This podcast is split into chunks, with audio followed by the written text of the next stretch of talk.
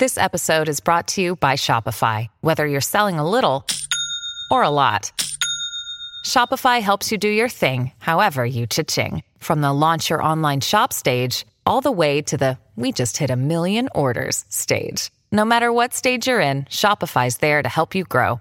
Sign up for a $1 per month trial period at shopify.com slash special offer, all lowercase. That's shopify.com slash special offer.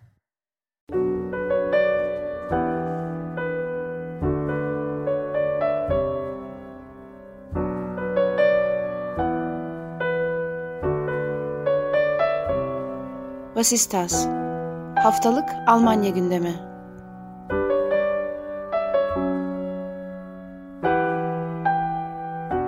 Herkese merhaba. Vasistas'ın 30. bölümüne hoş geldiniz. Ben Akın Art, Ali Sözen ve Ayşegül Ilgın'la birlikte bu hafta sizler için Almanya'nın gündemini değerlendireceğiz. İki haftalık bir aranın ardından yine 3 kişi buluştuk bu sefer ve kalabalık bir gündemle karşınızdayız. Ben haftanın dikkat çeken gündemlerinden ilkiyle başlayacağım. Aslında geçen hafta konuştuğumuz üzücü bir konunun devamı niteliğinde. Geçen hafta enerji krizi ve bunun aşırı sağ sağladığı avantajı, aşırı sağ buradan akan enerjiyi konuşurken Leipzig'te yaşanan üzücü bir olaydan bahsetmiştik. Daha önce örneğini çok sık görmediğimiz Ukraynalı mültecilere karşı bir takım fiziksel eylemlerin göze çarpmaya başladığından bahsetmiştik. Bunun çok daha üzücü bir versiyonu geçen hafta Mecklenburg-Vorpommern eyaletinde Wismar şehri yakınlarında bulunan ve Mart'tan beri Ukraynalı mültecilere tahsis edilmiş bir otelde ortaya çıkan yangın büyük bir şok etkisi yarattı. Çünkü bunun herhangi bir yangın değil, çok büyük ihtimalle Ukraynalı mültecilere yapılmış bir sabotaj eylemi olduğu ihtimali üzerinde dur- duruluyor.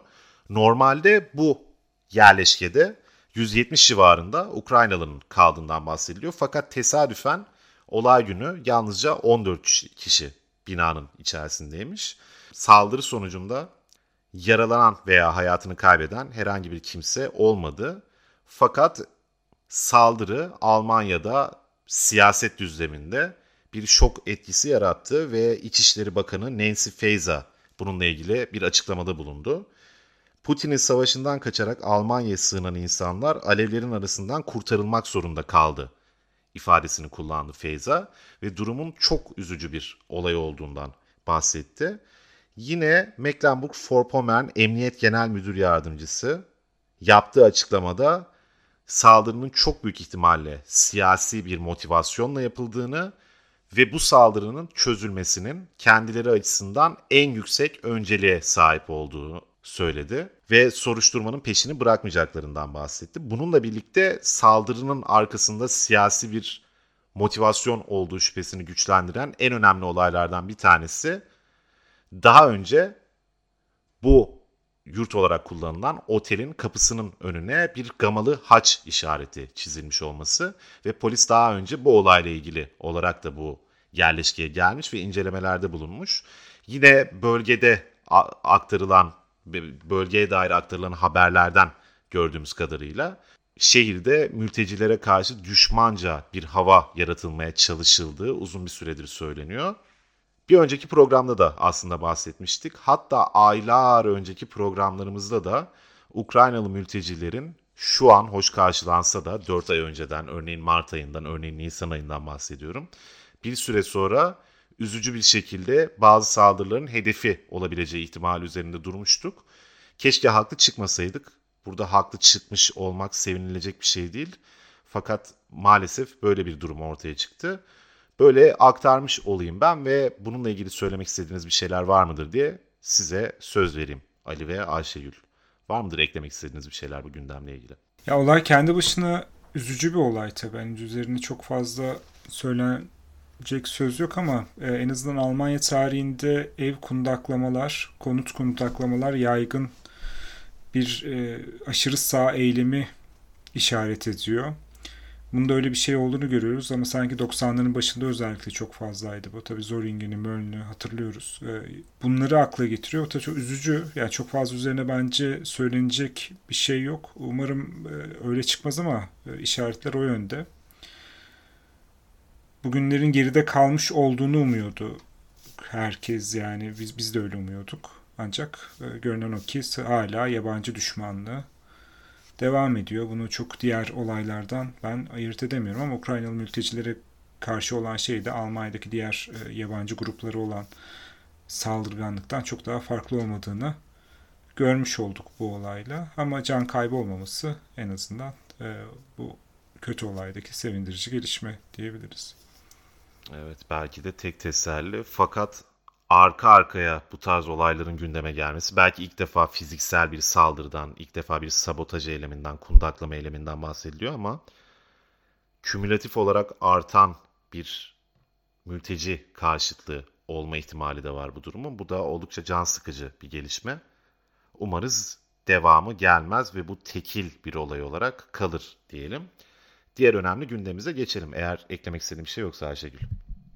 Ya evet haklısınız bu konu üzerine söylenecek çok bir şey yok ama e, enflasyon arttıkça ekonomik durum kötüye gittikçe böyle olayların artmasından da e, endişe duyuluyor. Umarız tekrarlanmaz diyelim. E, ben kendi gündemime geçeyim.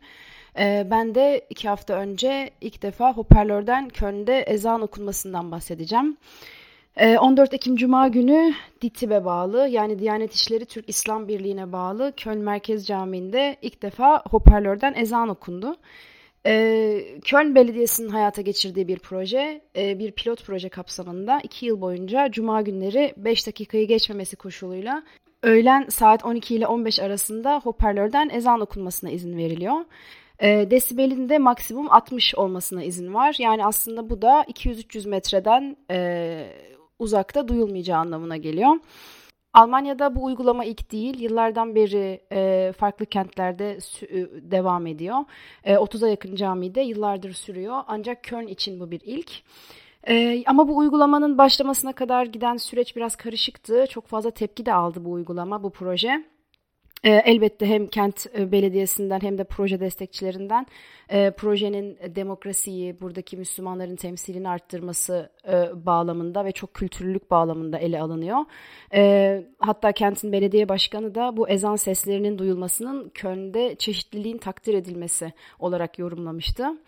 Ee, ancak bazı kesimlerce de siyasal İslam'ın bir güç gösterisi, e, bir tür zaferi olarak e, görülüyor. DİTİB tabi Diyanet'e bağlı olduğu için e, Türkiye'nin elinin kolunun buraya uzaması olarak değerlendiriliyor. Köln'de bulunan bu merkez cami 2018 yılında Erdoğan tarafından açılmıştı. E, tepki gösterenler de işte Türkiye'nin bu e, dini otoritesi tarafından kontrol edilen bir camiden e, ezan okunmasının sembolik bir anlam, sembolik bir önem taşıdığını söylüyorlar. E, zaten Yeşiller Partisi'nden tar- şu an Tarım Bakanı olan Cem Özdemir de yıllardan beri DİTİB'e olan tepkisini e, belli ediyor. Türk Devleti'nin AKP'nin bir uzantısı olduğunu söylüyor. DİTİB'in ise bu konuda açıklaması e, bu gelişmenin siyasetten bağımsız olduğuna, bunun dinle alakalı olduğuna yönelik. E, bu uygulamanın e, İslam'ın hem toplumda nüfuzunu ya da gücünü artıracağına dair endişeler var. Aynı zamanda dinler arasında da bir karşılaştırma yapıldığına şahit oldum Alman medyasında. Yani e, e, kilise çanlarının çalınmasıyla e, cami camiden ezan sesinin duyulması hani dinlere eşit e, ortam sağlaması açısından temsil açısından önemlidir. Fakat e, kilise çanıyla cami ezanının aynı olmadığını söyleyen görüşler mevcut. Çünkü e, İslam'da e, Allah tektir ya da İslam dini en büyüktür gibi e, anlatıların hali hazırda buna karşı olduğunu söylüyorlar mesela. Aynı zamanda anketlerde de bu uygulamanın halkın çoğunluğundan destek almadığı görülüyor. %80'e yakın kesim bu uygulamayı desteklemiyor. Ya aslında benim kişisel olarak da kafam biraz karışık bu konuda. Ee, yani tabii ki yıllardan beri Almanya'da yaşayan Müslümanlar için hem daha görünür olma hem kendilerini ait hissetme hem de temsil edilmeleri açısından önemli bir gelişme. Ee, hatta şeydir ya bu Türkiye e, Almanya'ya göç filmlerinde hep böyle görürüz. Ee, ezan saatlerinde e, çalar saatler çalar. Ezan okuyan çalar saatler vardır e, kimilerinin evlerinde. Yani ben sembolik olarak da temsil edilme anlamında da önemli olduğunu düşünüyorum. Ancak elbette e, bunun bir güç gösterisine dönüştürülmemesi için e, ya da endişe duyulduğu gibi DİTİB'in etkisini arttırması konusunda dikkatli davranılması gerektiğini düşünüyorum. Sizin görüşleriniz ne yönde bu konuda? Biz Ali ile bunu daha önce özel olarak konuşmuştuk. O yüzden büyük oranda da hemfikiriz sanırım kendisiyle. Ben o yüzden ona pas vereyim. O başlasın. Belki ben sonra devam ederim. Ya e, biraz tabii özelden konuştuğumuzda bu tepki meselesi e, Almanya'da bir, bir takım kesimler tarafından dile getirildi ama biraz da olayın akışına baktığımız zaman zaten bu Almanya'da yapılan ilk uygulama değil. Bu e, belli bölgelerde, belli şehirlerde yapılan bir şey. E, ikincisi bu doğrudan e, diyelim ki DİTİB'in ya da birilerinin eliyle getirdiği bir mesele de değil.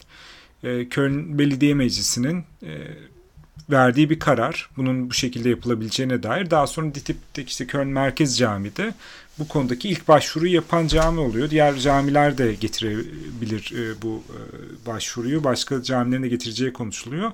Ve uygulama da sınırlı zaten. E, sadece haftanın belli bir günü 3 saatlik periyot içerisinde sadece caminin kendi arazisine, kendi sahip olduğu arazi içerisinde duyulacak biçimde bir ezandan bahsediyoruz. E, ve hani 60 desibel sınırı var zaten. Yani yolun karşısından duyulmuyor ya da çok küçük yani düşük sesli bir şekilde e, duyuluyor ki hani zaten e, Ehrenfeld'de Köln'de hani o sesi duymak için özel bir çaba gerekir. E, e, özellikle ona dikkat etmek gerekir. Dolayısıyla yani çok büyük bir mesele olarak görmüyor. Yani nihayetinde burada yaşayan e, Köln'ün nüfusunun e, %10'unun e, Müslümanların çoğunlukla yaşadığı ülkelerden gelme e, vatandaşlar olduğunu biliyoruz. Bunlar da Köln'ün e, yurttaşları. Burada yani kilise çanı kıyaslaması da dolayısıyla şey açısından bana çok doğru gelmiyor. Nihayetinde öyle bangır bangır herkesin her zaman duyabileceği mesele de değil bu. Yani öyle kısıtlı bir alanda bir uygulama. Dolayısıyla çok büyütmenin e, doğru olduğunu düşünmüyorum. Öyle bir e, e, belediye meclisi bir karar vermiş kendiliğinden. Daha sonrasında ki bunu da hani buradaki yurttaşlara, Kölnlü yurttaşlara bir özgürlük alanı açısından düşünüp verilmiş bir karar. Daha sonra da işte bir, cami derneği de başvurup bu hakkı belediye meclisi tarafından tanınan bu hakkı almış ve uygulama devam ediyor şu anda. Ben bir saat şey geçen hafta ilk defa oldu. Bir saat sonra geçtiğimde e, yakından geçiyordum işten dönerken. Daha böyle kozmopolit bir toplamın oradan çıktığını e, işte yani gayet e, en azından benim görebildiğim kadarıyla keyifli bir toplamın olduğunu gördüm orada. E, polis e, vesaire de vardı ama bir taşkınlık e, ortamı yoktu. Bir de tek e, ülkeden gelme insanlar da yoktu. Daha e, çeşitli insanlar kalabalık bir şekilde caminin etrafında e, geziyorlardı diyeyim artık, bulunuyorlardı. Yani ben çok bir çok büyütülecek mesele değil. Yani Köln Belediye'mizin verdiği bir karardır. Diğerlerinden çok da aşırı farklı olduğunu da düşünmüyorum. Yani hayatın olağan akışı gereği verilmiş ve uygulanan meseledir. Hani buradaki siyasal İslam'ın etkisini vesaire çok görmüyorum. Çok e, kayda değer bir değişiklik olduğunu düşünmüyorum kişisel olarak.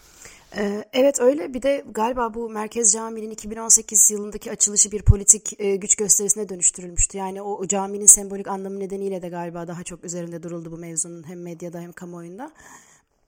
14 ee, Ekim'de ezanın okunduğu gün aynı zamanda İran protestosu vardı Köln'de. Ee, ve aslında ezanı da protesto eden bir grup vardı o grubun içerisinde. Ee, ve hani İran'da siyasal İslam'ın e, ülkeye getirdiği durum belliyken tırnak içerisinde hani e, burada neden buna izin veriliyor gibi bir protesto da yapıldı. E, yani halkın endişeleri var elbette e, ama ben de senin dediğin gibi bunun çok da tehlikeli bir sonucu olacağını düşünmüyorum. Ya hani onların endişelerini besleyecek bir sonuç yaratacağını düşünmüyorum. Ya orada bence de İran konusunun denk gelmiş olması meseleyle yani şimdi bazen işte tabii insanlar galeyana gelebiliyorlar ve birbiriyle hiç alakası olmayan konuları da birbirine karıştırabiliyorlar. İşte zaten İran İran'ın temsil ettiği siyasal İslam geleneğiyle Türkiye'deki var olan ya da işte diğer ülkelerdeki siyasal İslam gelenekleri birbirinden ayrılıyor. Dolayısıyla hani oradaki e, karşı çıkışta ben çok e, yani denk gelmiştir ama işte bunların hepsi de ezan, İslam işte bunların hepsi bir, birdir. Aynı kefeye koyalım, karşı çıkalım bakış açısının çok e, demokratik açısından sağlıklı olduğunu düşünmüyorum. Yok orada şey bağlantısı kuruyorlar. Ee, Erdoğan da ülkeyi e, İran'a dönüştürmeye çalışıyor zaten gibi bir e, şeyleri de vardı, söylemleri de vardı. Hani öyle bir benzerlik kurmuşlar.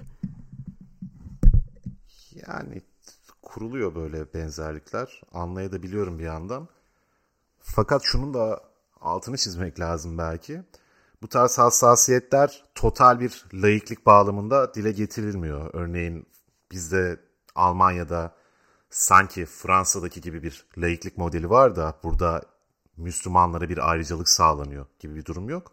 Zaten bu pek çok dinin kendi ritüellerini, kendi kültürlerine göre sürdürebilmeleri pek çok dinin sahip olduğu bir hak. Yani halkın hassasiyetleri olabilir, elbette bir takım endişeleri de olabilir. Özellikle siyasal konular söz konusu olduğunda ama bu hassasiyetler nedense Türkiye'den gelenleri ağırlıklı olarak ilgilendiren bir konuda gündeme geliyor. Bunun da ben biraz şaşırtıcı buluyorum açıkçası. Yani Yahudilerin belki böyle bir ritüeli yok. Sesli ezan okumak vesaire gibi. Ama velev ki olsaydı böyle bir tartışmayı yapıyor olur muyduk şu an? Çok merak ediyorum. Yani Hristiyanlık zaten hakim din olduğu için onu ayrıca belirtmeye gerek duymuyorum. O yüzden burada bir çifte standart olduğunu da bu kaygıların oluşum sürecinde görmek lazım diye düşünüyorum. Bilmiyorum var mıdır eklemek istediğiniz bir şey buna veya söyle, cevaben söylemek istediğiniz. O zaman bu gündemi yani zaten aslında bir miktar eski bir gündem. Biz biraz beklemiştik daha detaylı konuşabilmek adına. Geçen haftalarda gündemimiz çok kalabalık olduğu için. Haftanın daha sıcak başlıklarından birine, belki de en sıcak başlığına geçelim. Olaf Scholz'un nükleer santraller konusunda yaptığı açıklamalarla tetiklenen bir siyasal tartışma var sıradaki gündemimiz olarak. Ben uzun uzun anlatmayayım. Doğrudan aktaracak olan arkadaşımıza Ali'ye bırakayım. O başlasın. Bu geçen hafta da aslında bu Yeşillerin Parti Kongresi'nden vesilesiyle konuşmuştuk. Ee, bu sene sonunda artık son kalan 3 nükleer santralin Almanya'da kapanması ve zaten bir dayandıkları yasaya göre de kapatılması gerekiyor. Tartışmada şeydi bu e, mevcut enerji krizinden dolayı bunların kapanma süresinin uzatılmasıydı. Yeşiller Parti Kongresi'nde de Habeck'in e, kongreye seslenirken söyledi. Yani biz zaten bu e, üçünün ikisini uzatmak istiyoruz. Onları da 105 günlük yani aslında 15 e, Nisan'a kadar uzatmak istiyoruz gibisinden bir söylemi vardı. Burada tabii FDP ile Yeşiller tam olarak anlaşamıyorlar o ya da bu sebeple ne kadar uzatılacağı konusunda ve kaç tanesinin uzatılacağı konusunda. E, bu konuda bu, oldukça uzun sürdü. Artık Ekim sonuna geldik. Sene sonuna kadar bu yasada doğrudan bir değişiklik yapılmazsa yani parlamento onayıyla bu yasa değişmezse eğer mevcut santrallerin kapatılması gerekiyor. Dolayısıyla burada biraz e, başbakan olarak Olaf Scholz Almanya'nın siyasal tarihinde çok da görmediğimiz, eşine çok rastlamadığımız bir anayasa maddesine dayanan bir bir yetki kullanımında bulundu. Bunu herhalde Türkçe'ye çevireceğimiz son söz söyleme hakkı, başbakanı ya da şansölyenin son söz söyleme hakkı gibi çevirebiliriz. Ya da anayasanın, e, Alman anayasasının 65. maddesindeki haliyle çerçeve yetki hakkı da olabilir ya da çerçeve yetkisi, e, çerçeve karar yetkisi de olabilir. Bunu e, bu şekilde de e, aktarabiliriz. Bu bizim bildiğimiz e, siyaset bilim teorilerinde işte başbakanın kabinenin başı e, olmasının işte e, primus inter pares eşitler arasında birinci olmasından farklı bir şekilde e, şansölye prensibi Almanya demokrasisinde anayasaya e, da dayanağı olan bir prensip. Bu da şansölyenin ya da başbakanın daha doğrusu Almanya Başbakanı'nın kabine üyeleri üzerinde, bakanlar üzerinde bir yetkisi olduğu ve genel çerçeve, iç ve dış politikalarındaki genel çerçeveyi belirleme yetkisi olduğunu ve bu karar yetkisinin işte baş, sadece başbakana ait olduğundan bahseden bir madde var. Ama bu çok e, siyasal tarihte kullanıldığını görmediğimiz bir şey. Örneğini çok rastlamadığımız bir mesele. Ama Olaf Scholz ilginç bir şekilde daha e, bir senesi anca dolmuşken başbakanlıkta e, bunu kullandığını söyledi ve bir açıklamayla bu üç nükleer santralin 15 Nisan'a kadar açık kalacaklarını bildirdi. Bu, e, bu kararını paylaştı ve bunda zaten kabine üyelerinin kabul etmeleri gerekiyordu e, ve kabul de ettiler. Ancak burada tabii şöyle tartışmalar var. Birincisi bu çok sık kullanılan bir şey değil zaten. Bundan önce bir kere daha kullanıldığını biliyoruz. O da ta e, Konrad Adenauer zamanındaydı. Ondan sonra da kullanılmış olacağını tahmin edebiliyoruz ama bunlar muhtemelen kabine içerisindeki gizli kapılar ardındaki toplantılarda kullanılmıştır. Ama bu e, doğrudan basına yapılan bir açıklamayla diğer parti liderlerinin haberi oldu.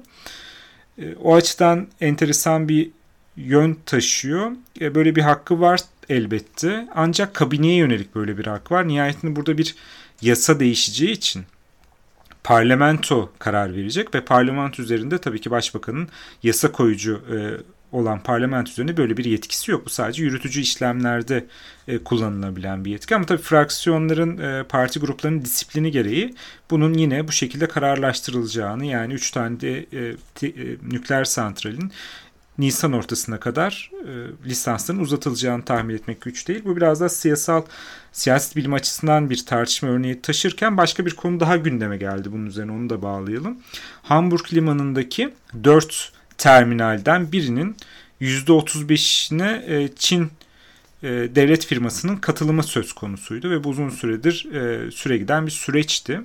Buna karşın işte 31 Ekim'e kadar görevli olan daire, resmi daire karşısında bir karar açıklamazsa, bir red kararı açıklamazsa kabul edilmiş. Yani zımmi e, kabul e, edilmiş sayılacak e, ve dolayısıyla bu e, devlet Çin devlet firmasının e, Hamburg ta, e, Hamburg limanına katılımı gerçekleşecek. Burada yine e, hem FDP hem de Yeşillerin buna karşı çıktığını biliyoruz. Çünkü işte Çin'in en azından Almanya'daki stratejik bir e, limanda pay payının olmasını istemiyorlar. Ancak Olaf Scholz bu konuda farklı düşünüyor ve nihayetinde koalisyon toplantılarının gündemini belirleme yetkisi de yine başbakana ait. Dolayısıyla 31 Ekim'e kadar bunu koalisyon kararı karara bağlamazlarsa kabul edilmiş sayılacak ve Olaf Scholz de bu konuda en azından gündeme getireceğine dair bir sinyal vermedi. En azından bunun karşısında olduğunu e, biliyoruz. Burada tabii biraz daha e, diğer koalisyon üyelerine göre Yeşiller ve FDP'ye göre Olaf Scholz'un e, en azından Çin'e o kadar karşı olmadığı en azından ya da bu, bu konuyu biraz daha beklemeye aldığı e, söylenilebilir. Bunun bir örneğini aslında Nord Stream meselesinde de görmüştük. İşte lisansın çıkması çok uzun sürmüştü. Orada biraz daha Almanya'nın dış politikası gereği biraz daha olayların nasıl gelişeceğini izlemek istemişti hükümet. Burada da sanki benzer bir en azından hükümetin tamamından bahsedemesek de Olaf Scholz'in için e, biraz daha süreci nasıl izleyeceğini e, görmek istediğini söyleyebiliriz. Bundan bahsedebiliriz. Dolayısıyla burada ama tabii yine e, biraz önce konuyla alakalı olarak son söz söyleme hakkını, yetkisini tekrar kullanıp kullanılmayacağı konuşuluyor. Yani bu çerçeve karar yetkisini tekrar kullanıp kullanmayacağı konuşuluyor. Tabii bu zaten gerçekten e, gerçek anlamıyla 40 yılda bir kullanılan bir yetkiyi bir dönemde ikinci defa kullanması çok e, kolay değil. E, bu siyasal denge me- mekanizmaları açısından kolay değil. Yani bir önünde bir yasal engel yok ama öyle bir iktidar alanı olduğunda söylemek e, güç e, Olaf Scholz'un. E, dolayısıyla bu iki konu bu yönden birbirine bağlanıyor. E, size ben bırakayım burada konuyu en azından biraz daha hem bu son söz söyleme hakkı hem de Çin'in Hamburg limanına katılımı konusunda sizin de söylemek istedikleriniz var mıdır arkadaşlar? Ben şeyi söyleyeceğim. Almanya'nın demokratik tarihi ya da e, siyasi sistemi için e, ilginç ya da demokratik olmayan bir adım gibi görünebilir ama biz diğer programlarda da bunu defalarca konuşmuştuk. Böylesi kriz dönemlerinde ya da çabuk karar alma, alınması gereken dönemlerde Almanya'nın e, Almanya'da bazı şeylerin ne kadar uzun sürebildiği ya da ne kadar e, bu tartışmaların bazı kararların alınmasını ne kadar zorlaştırdığı üzerine hani e, bu noktada belki de kriz kararları ya da refleks daha hızlı refleksler geliştirebilmek açısından e, daha iyi olabilecektir diye görüyorum. Bilmiyorum sen ne düşünürsün Akın? Olaf Scholz'da böyle bir eğilim var gibi gözüküyor zaten. Şeyi hatırlarsınız zorunlu aşı tartışması yapıldığında Olaf Scholz bunun geçmesi gerektiği yönünde görüş beyan etmişti ve bunun olması için irade kullanmıştı diyelim. Sonucundan bağımsız olarak bu Almanya'nın en azından Merkel döneminde gördüğü liderlik biçiminden elini taşın altına sokma alışkanlığından oldukça farklıydı. Bu meselede de biraz bunun benzeri bir örnek görüyoruz gibi geliyor. O zamanlar önderlik, irade gibi kavramlarla sık sık manşetleştiriliyordu Olaf Scholz. Burada da aslında bir tür risk alıyor süreci hızlandırma için ve demokratik teamülleri çiğnemek olarak mı düşünmek lazım yoksa sorumluluk almak ve gerekirse bedelini ben öderim gibi bir çıkıştan mı burada bahsediyoruz? Buna dair aslında tartışmak gerekiyor. Ben ikincisi ne daha yakın bir hamle olarak görüyorum Olaf Scholz'un yaptığı hamleyi. Bu şekilde benim söyleyeceklerim.